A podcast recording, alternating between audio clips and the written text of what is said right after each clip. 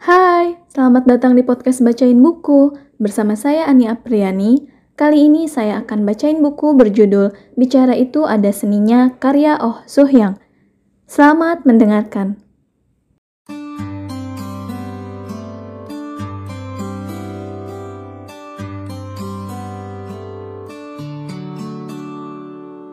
Mengeluarkan iPod dari kantong celana jeans.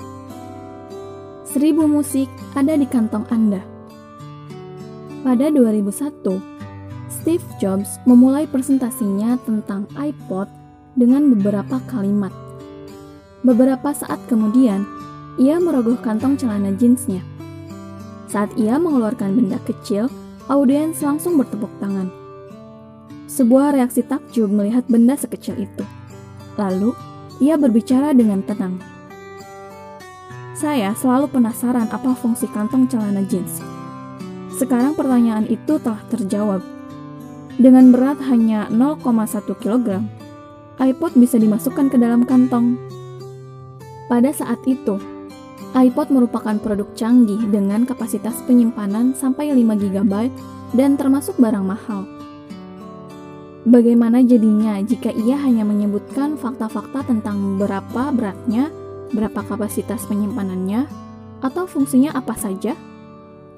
Mungkin audiens hanya akan memperlihatkan reaksi tidak peduli, seperti performanya bagus, tapi mahal ah.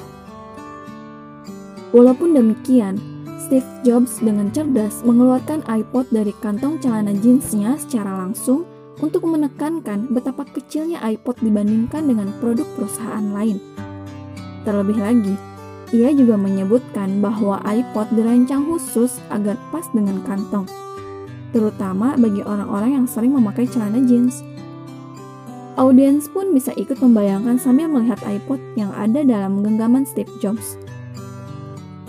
Saat memakai celana jeans, aku juga bisa ke mana-mana membawa iPod di kantong sambil mendengarkan musik tanpa perlu repot.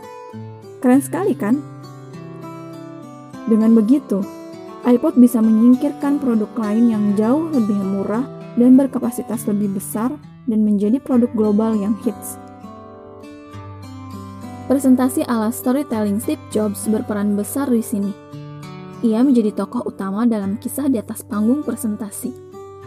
Ia secara dramatis menunjukkan betapa kerennya menikmati iPod kecil dengan bercelana jeans Gambaran yang ia tunjukkan membuat iPod menjadi produk yang inovatif dan memimpin pasar.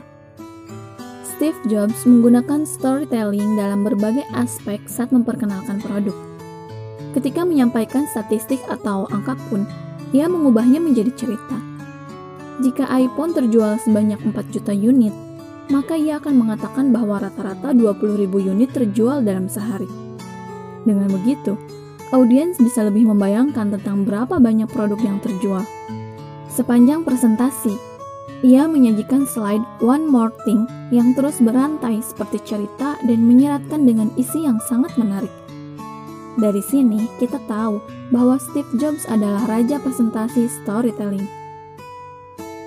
Dengan membaca 30 Seconds Difference, kita bisa tahu apa yang dikatakan saat menjual mantel.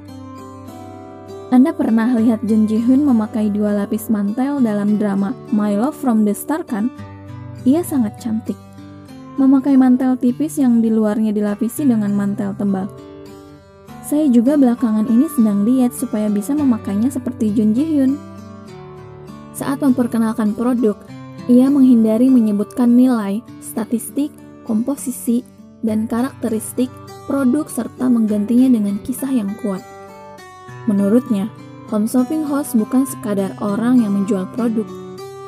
Home shopping host berperan membantu konsumen menemukan stylenya, membuat cerita baru dalam kesehariannya, dan memperoleh kebahagiaan. Kisah yang kuat memerlukan plot yang kuat. Storytelling merupakan hal yang tidak bisa dipisahkan dari presentasi maupun home shopping. Storytelling memberikan efek resapan dan rasa yang sama – seperti menyebutkan kenyataan sederhana, bahkan sampai membangkitkan kebahagiaan seperti menonton drama populer. Audiens akan membalikan badan saat Anda hanya menyebutkan fakta-fakta yang kaku. Tetapi dengan storytelling, mereka akan bertepuk tangan dengan antusias. Storytelling tidak dilakukan dengan menceritakan apa saja. Jika Anda mengembangkan cerita yang isinya membosankan, tidak ada seorang pun yang akan mendengarnya. Plot yang kokoh diperlukan dalam storytelling. Sebuah cerita harus memiliki plot agar dapat melesat seperti anak panah dan menghujam hati para pendengar. Dalam buku 20 Master Plot karya Ronald B. Tobias, ada 8 unsur yang diperlukan untuk plot yang kokoh. Satu, Tidak ada ketegangan, sama dengan tidak ada plot. Dalam drama Descendant of the Sun, cinta Yosi Jin dan Kang Mi Yeon terbentuk dengan kencang. Setiap kali cinta keduanya diuji, mereka selalu bisa mengalahkannya dan berhasil menggenggam erat tali cinta mereka cerita akan menjadi sangat membosankan tanpa ketegangan yang disebabkan oleh krisis yang memisahkan mereka. 2. Ciptakan ketegangan dengan daya konfrontasi. Sulit mencari film atau drama yang tidak menggunakan plot konfrontasi antara kebaikan dan kejahatan. Cerita lebih menarik saat sang tokoh utama selalu diserang oleh tokoh antagonis Bagaimana nasib tokoh utama selanjutnya tentu membuat penasaran. 3. Maksimalkan ketegangan dengan daya konfrontasi. Jika perseteruan antara tokoh utama dan penjahat selesai dalam satu kesempatan, cerita akan berakhir. Semakin lama, kekuatan si jahat semakin hebat dan sang tokoh utama pun menghadapi situasi sulit. Hampir semua film blockbuster Hollywood demikian – Biasanya, musuh yang diyakini sudah terkalahkan tiba-tiba muncul dengan lebih perkasa dan menyerang tokoh utama. 4. Sifat tokoh harus berubah.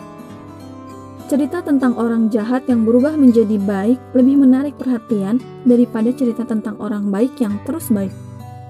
Rasa penasaran tentang bagaimana hal itu bisa terjadi akan muncul. Jika yang baik berubah menjadi jahat dan yang jahat berubah menjadi baik, maka tidak ada seorang pun yang bisa menebak apa yang akan terjadi kepada para tokoh. 5. Jadikan semua peristiwa adalah sesuatu yang penting. Tidak ada satupun peristiwa baik kecil maupun besar dalam cerita yang bagus dan hits terjadi tanpa perhitungan. Semua peristiwa memiliki makna dan berkaitan dengan pengembangan cerita selanjutnya seperti jaring laba-laba. 6 membuat masalah atau peristiwa yang terlihat remeh. Bila sebuah petunjuk atau pertanda terungkap sepenuhnya, maka ketegangan cerita akan berkurang. Perlu penyamaran agar peristiwa dan cerita yang penting tampak seperti bukan apa-apa. Efeknya akan lebih tinggi jika dikeluarkan pada saat yang tepat. Ronald B. Tobias mengungkapkan hal sebagai berikut. Dengan membuat masalah yang tampaknya remeh, penonton akan menerima bahwa karya tersebut sangat mirip dengan kehidupan. 7. Keberuntungan tokoh utama Dalam drama, film, ataupun novel, sang tokoh utama pasti mampu mengatasi permasalahan yang rumit. Meskipun sudah hampir mati, secara ajaib ia mampu bertahan hidup. Dalam drama Descendant of the Sun pun diciptakan suasana duka, seolah-olah Yoshi Jin benar-benar sudah mati tetapi di akhir cerita, ia muncul kembali dalam keadaan hidup. Begitulah, keberuntungan selalu mengikuti tokoh utama. 8. Peran tokoh utama dalam klimaks Alur sebuah cerita diarahkan oleh tokoh utama. Cerita memperlihatkan bagaimana tokoh ini menembus rintangan dan mengatasinya. Oleh karena itu, tokoh utama harus ditonjolkan dalam klimaks cerita. Penanganan penjahat tidak boleh dilakukan oleh pemeran pembantu. Begitu pula klimaks cerita cinta yang ditampilkan dalam drama Descendants of the Sun yang terjadi antara tokoh utama pria dan wanita, yaitu Yoo Se-jin dan Kang Mo-yeon.